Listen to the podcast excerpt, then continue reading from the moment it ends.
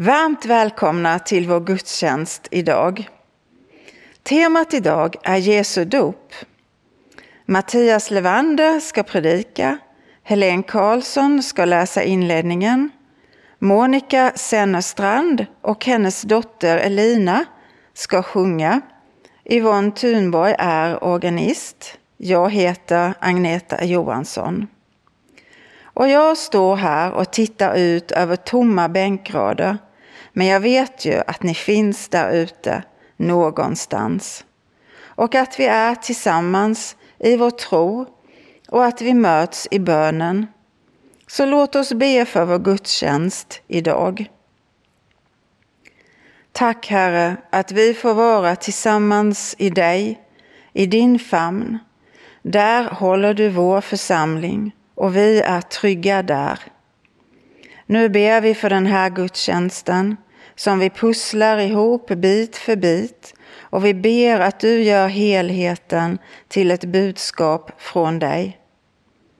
Vi ber för alla som inte mår bra idag, som är sjuka eller ensamma eller sorgsna. Tack för att du finns, Herre, och att vi kan få läkedom, gemenskap och tröst hos dig. Så lägger vi allt i dina händer nu och överlåter oss till dig och din vilja. Amen. Jag läste psalm 134 i Saltaren häromdagen och den är bara några få rader. Så här lyder den. Kom, lova Herren, alla ni Herrens tjänare, ni som står om natten i Herrens hus. Lyft era händer mot helgedomen och lova Herren. Må Herren välsigna dig från Sion, han som har gjort himmel och jord. Då kommer jag att tänka på vår kyrka och raden Alla ni Herrens tjänare, ni som står om natten i Herrens hus. Det är ju så det är nu, som om vi står om natten i Herrens hus. För här är tomt och tyst och inga som träffas till gudstjänst. Ni som står om natten i Herrens hus, lyft era händer upp mot helgedomen och välsigna Herren. Det där är som en uppmaning vi kan ta till oss, tyckte jag. Att gå in i kyrkan, ja, inte om natten kanske, men när som helst och tända ett ljus eller be en bön när vi har vägarna förbi. Välsigna vår kyrka, vår församling. Välsigna Herren. Det blir ett sätt att tacka Herren för vår församling och visa att vi finns här, fast vi inte är tillsammans just nu. Nu ska vi sjunga psalm nummer tre, Helig, helig, helig och därefter läser Helen inledningen.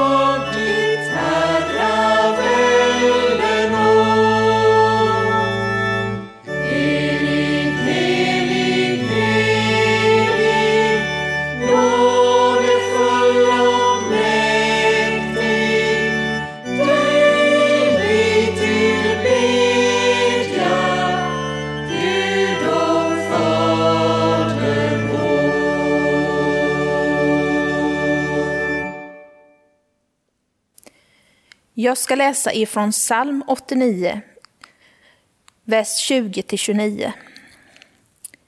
Du talade en gång i en syn. Du sade till dina trogna, jag kröner en hjälte, jag upphöjer en yngling ur folket. Jag har funnit David min tjänare och smort honom med min heliga olja. Min hand ska vara hans fasta stöd, min arm skall ge honom styrka. Ingen fiende skall överrumpla honom, ingen våldsam och våldsman ska, skall kuva honom. Jag ska krossa alla fiender i hans väg och slå ner dem som hatar honom. Min trofasthet och nåd ska följa honom. I mitt namn vinner han seger. Jag ska lägga havet under hans hand, floderna under hans välde. Jag ska säga, du är min fader, min Gud och min räddande klippa. Han ska vara min förstfödde, först, förstfödde, den högste bland jordens kungar. För evigt skall jag visa honom nåd, mitt förbund med honom skall stå fast. Vi knäpper våra händer och ber. Tack kära Jesus att vi har förmånen att fira gudstjänst, att vi får fira gudstjänst här idag igen. Tack för att du kom ner till jorden och blev människa med oss och föddes hit. Tack för vad du har fått betyda för mig och för många andra. Var med oss idag i gudstjänsten. Tack för att vi får lägga hela gudstjänsten i dina händer och gör våra hjärtan öppna. Kära Jesus, du ser där vi sitter på olika platser och lyssnar på den här gudstjänsten. Var med oss. Var med dem som känner sig ensamma. Var med dem som inte känner så bra. Var med dem som är sjuka. Tack för att du finns hos oss alla, var vi än är. Amen. Nu ska Monica och Elina sjunga och sen får vi lyssna till predikan av Mattias. Ja, vi ska sjunga en sång som heter In Christ Alone, endast i Kristus. Och den handlar om hur vi kan ha vårt hopp i Kristus. Att det är bara Kristus som är vårt ljus, vår styrka och vår sång. Och allt detta tack vare att Jesus kom till jorden, föddes som ett hjälplöst barn, levde här och dog och uppstod för oss. Så därför behöver vi inte känna någon fruktan, utan vi kan verkligen lita på Jesu kraft.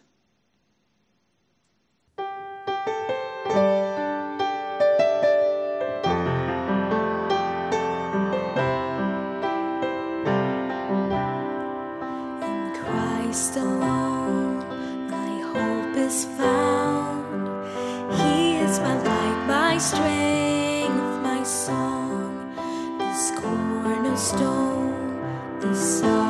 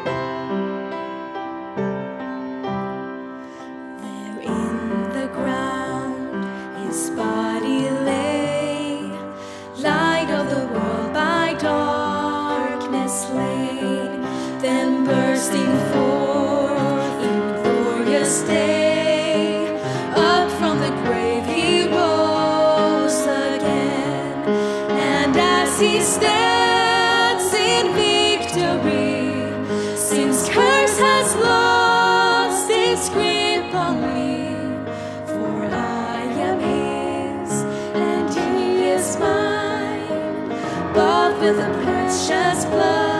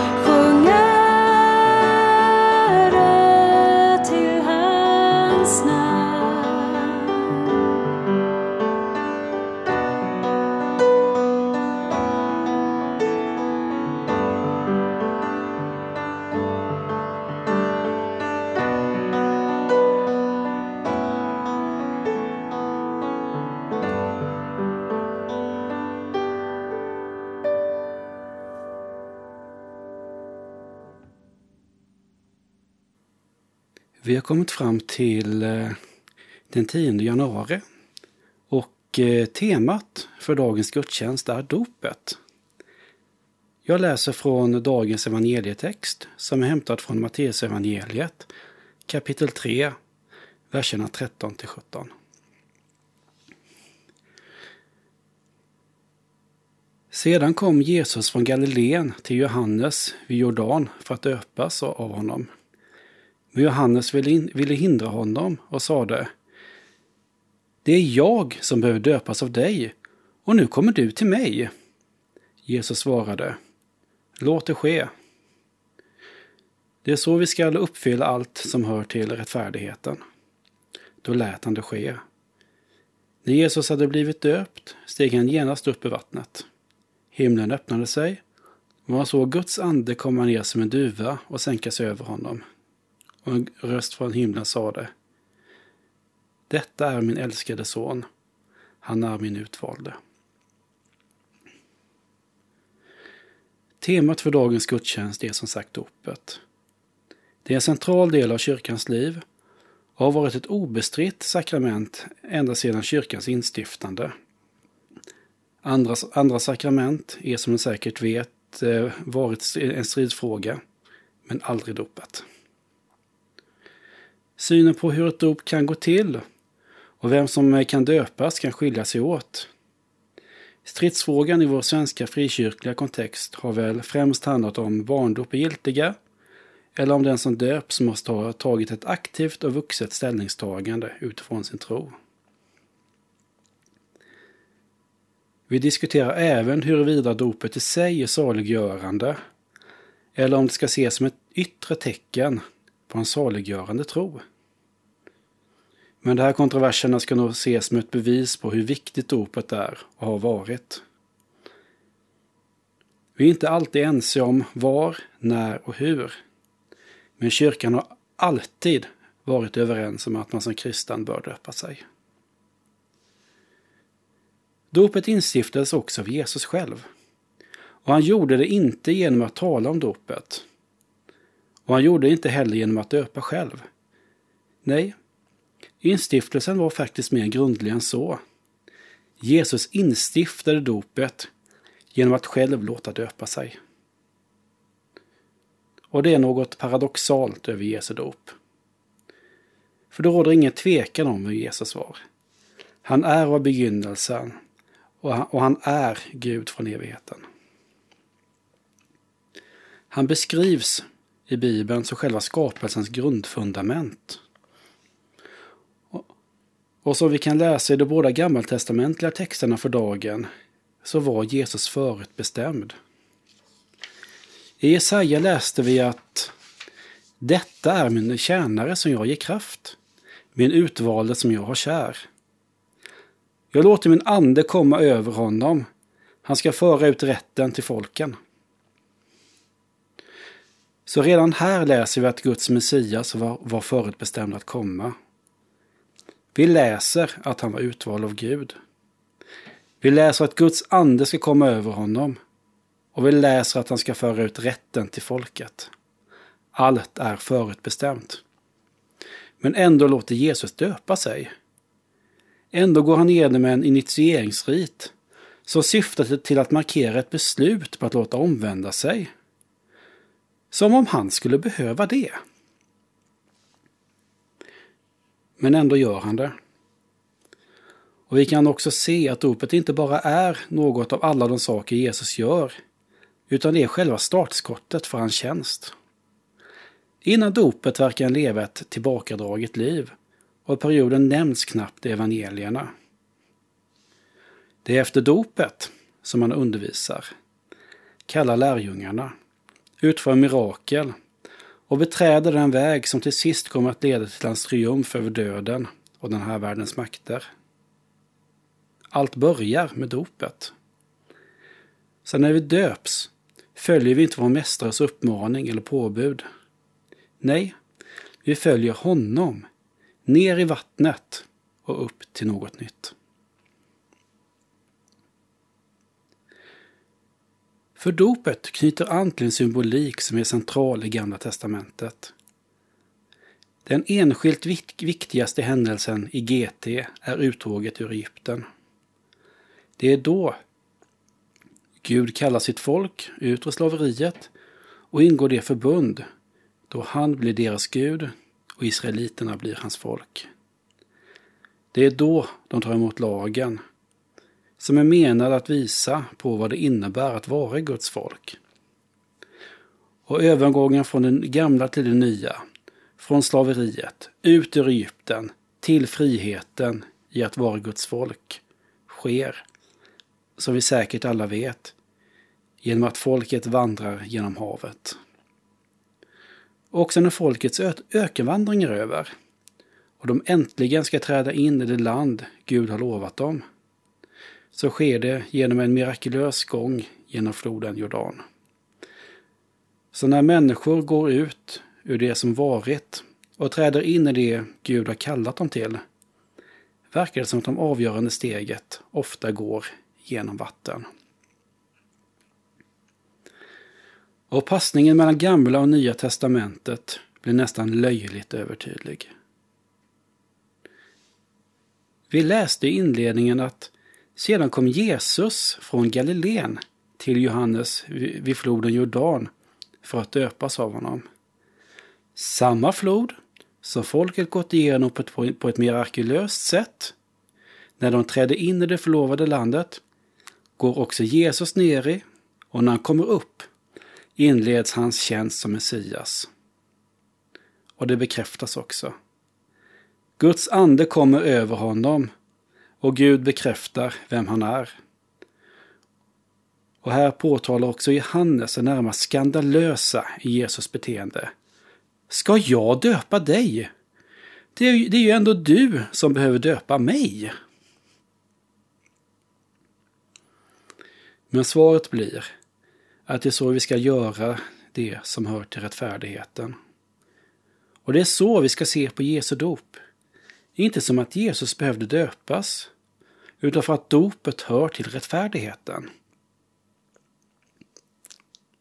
Man brukar säga att, att det inte var Jesus som helgades när han döpte sig, utan dopet som blev helgat genom honom. Dopet hör till rättfärdigheten. Och Jesus visar det genom att själv gå ner i dopgraven, samtidigt som han ger den uppmaning som han alltid ger. Följ mig. Så vi följer honom. Och vi har gjort så sedan Jesus instiftade sin kyrka.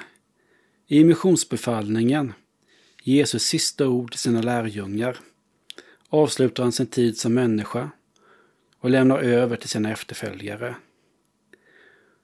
I det ger han det uppdrag som varit vägledande för kyrkan sedan dess.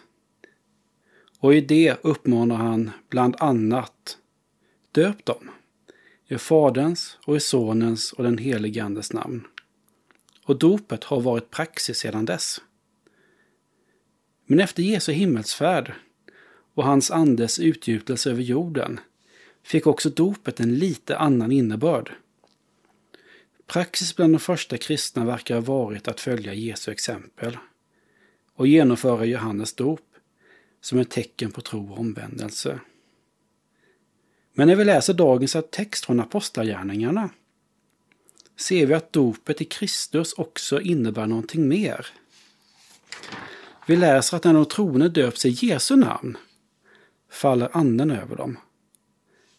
Anden är Guds närvaro i världen. Det är den troendes sigill, ja, det är den troendes relation med Gud. Så dopet får här en dimension av att vara vägen till en relation med Gud.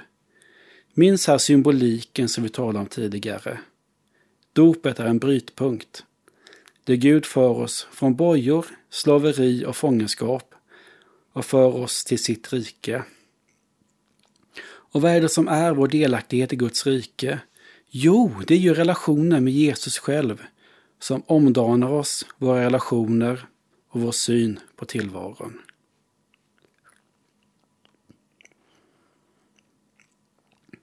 Så att dopet relateras till anden och en relation med Jesus själv är bara naturligt.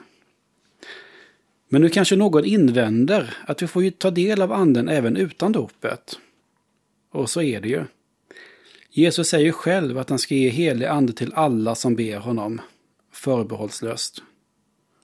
Och många har också erfarenheten av att ha tagit emot anden även innan man blir döpt. Är då dopet verkligen nödvändigt? Har dopet verkligen någon funktion? Eller är det bara en symbolisk bekräftelse på tron?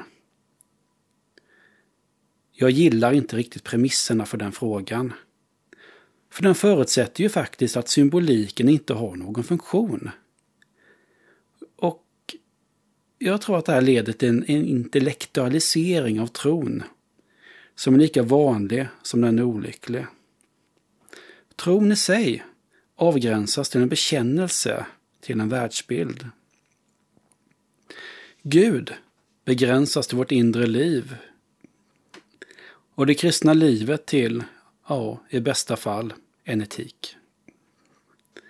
Men jag tror på den synliga tron. En tro som tar plats, som gör väsen av sig, som är skandalös. Och här har symbolerna en plats. Den lyfter vår tro utöver oss själva och låter den fysiskt ta plats och synas. Det blir en bekräftelse inför andra, men också inför oss själva för, på vad vi tror på. Och den ger oss upplevelser och minnen att förankra vår övertygelse i. Man kan nästan säga att tron får lite kropp, om ni kan hålla med mig om det. Så frågan kyrkan uppmanar oss att ställa är inte huruvida dopet verkligen är nödvändigt. Frågan är vilka skäl har vi till att inte döpa oss? Då kan man också fråga sig, varför håller jag den här predikan? Varför har vi en dag på kyrkoåret för att uppmärksamma dopet? Ja, antingen kan det ju vara så att det finns någon som lyssnar som inte är döpt. Till dig hoppas jag att min predikan har gett en förståelse för vad dopet innebär och också rikta en uppmuntran att låta döpa dig. Vi har ju ändå precis firat nyår. Det är en tid av livs, livsförändrande beslut. En tid av att påbörja strävandet mot att bli de människor vi vill vara. Oavsett om det handlar om relationer som ska behandlas annorlunda, projekt vi har lovat oss själva att dra igång med, eller kanske helt enkelt att leva lite mer hälsosamt. Vi ringer ut det gamla och in det nya. Så vad kan då vara mer passande än att lägga det gamla bakom sig? Att gå genom vattnet in i något nytt? Men jag tror faktiskt att de flesta som lyssnar idag är döpta. Så vad har den här dagen för relevans för oss? Vi är väl redan klara? Ja, vi är väl det. Men det är också viktigt att minnas de beslut man har fattat. För den symbolik som går som en röd tråd genom hela Bibeln gäller även oss. Det är kanske en av de viktigaste funktionerna dopet har. Den skriver in oss i Guds verk. Vår historia blir en del av Guds historia. Den berättelse som börjar med att Gud befriar sitt folk genom vandringen genom havet går via Jesu dop, över den världsvida kyrkan och ner till en gård någonstans på Östgötaslätten i början av 1980-talet. Där en blivande ungdomspastor bestänks med vatten på huvudet ur en glasskål av en präst som har kommit enkom, enkom för det syftet. Enligt uppgift ska prästen lagt stor omsorg på att vattenkamma håret innan dopförrättningen. Samma berättelse landar även i Philadelphia kyrkan i Korsberga, 15 år senare ungefär. Där samme blivande pastor står klädd i en vit särk och väntar på att sänkas ner i dopgraven som är dold under kyrkans scen. Det är samma berättelse som återupprepas och vävs samman till en. Det är berättelsen om Guds kallelse, om hans befrielse och hans inbjudan till sitt rike. Låt oss be. Ja, himmelske Fader. Jag tackar dig för din befrielse. Jag tackar dig att livet med dig alltid är att bli kallad ut från slaveri ut från bojor. Ut från det som binder oss.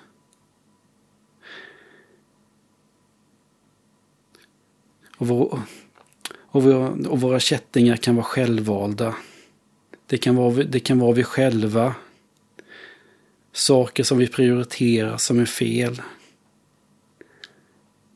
Men jag tackar dig för att du alltid kallar oss ut från de här sakerna.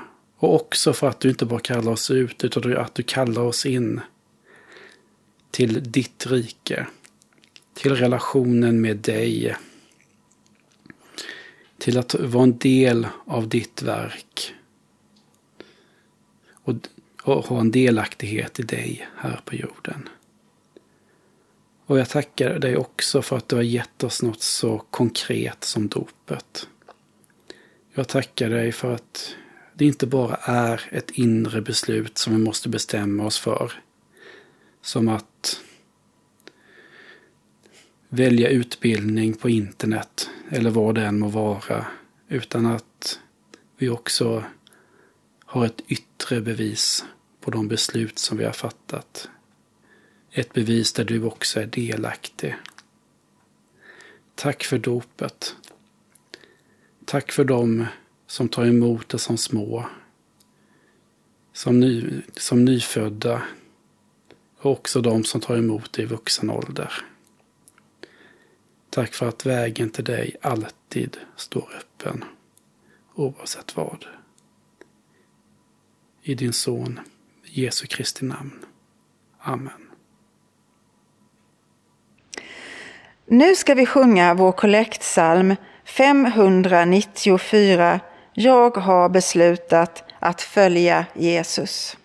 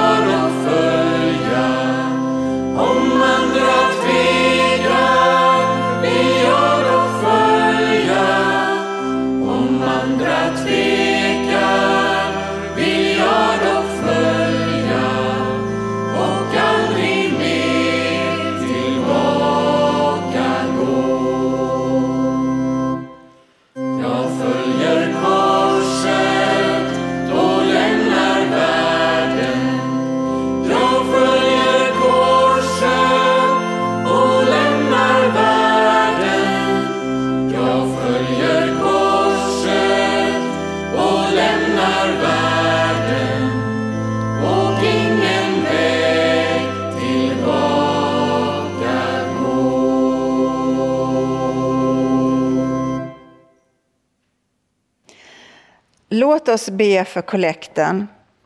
Tack Herre, att du håller allting samman i dig och att du välsignar de kollekter som ges till församlingen. Tack att vi får lita till dig i allt. Amen.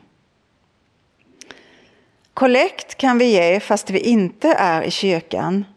Man kan ge på swishnummer 123 298 0282 eller bankgiro 5731 8099. Man kan också gå in i kyrkan och använda bankomaten. Och tack till alla er som troget ger kollekt och värnar om vår kyrka, för utgifterna finns ju i alla fall. Och nu ska vi höra mer sång från Monica och Elina.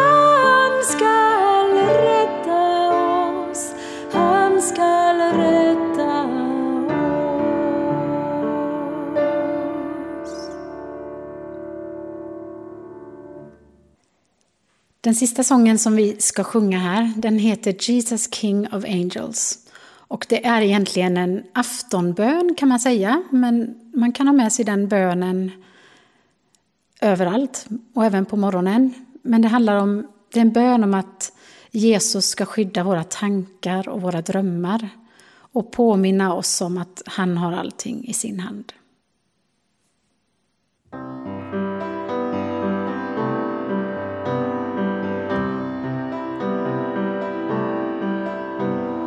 Jesus, King of angels, heaven's light.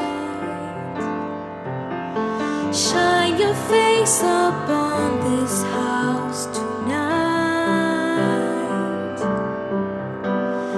Let no evil come into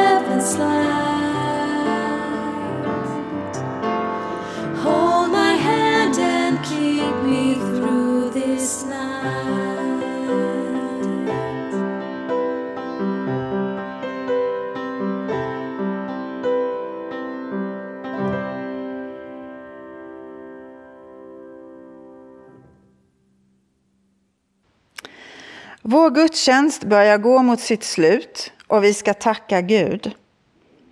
Tack Herre för din stora nåd, att vi får räcka ut en hand till varandra idag och mötas i gudstjänst på detta sätt.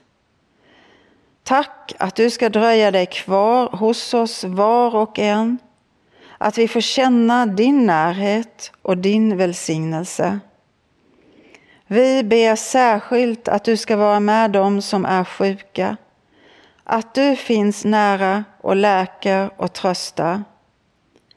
Så överlåter vi oss till dig, till din vilja och den helige Andes ledning. Amen.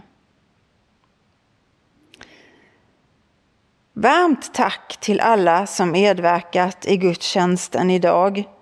Tack Monica, Elina, Mattias, Helen, Yvonne och ett speciellt tack också till alla tekniker som ser till att inspelningarna tillsammans blir en gudstjänst. Och tack till vår lilla psalmkör som sjunger psalmerna troget varje vecka. Pålysningarna för nästa vecka är som följer. Beredskapsgruppen möts tisdag den 12 januari på Zoom klockan 18.00. Och bokcirkeln är samma dag klockan 19.00 men den möts i kyrkan. Det är församlingens styrelsemöte på torsdag den 14 januari klockan 18.30. Också det på Zoom. Och nästa söndag den 17 januari predikar Johanna Fredriksson, sjunger jag några som heter Zon 5 och mötesledare är Leif Martinsson. Nu ett stort tack till er som lyssnar och som avslutning innan välsignelsen ska vi sjunga psalm 845. Må din väg gå dig till mötes. Och det blir min hälsning till er alla där ute. Tills vi möts igen, må Gud hålla dig i sin famn.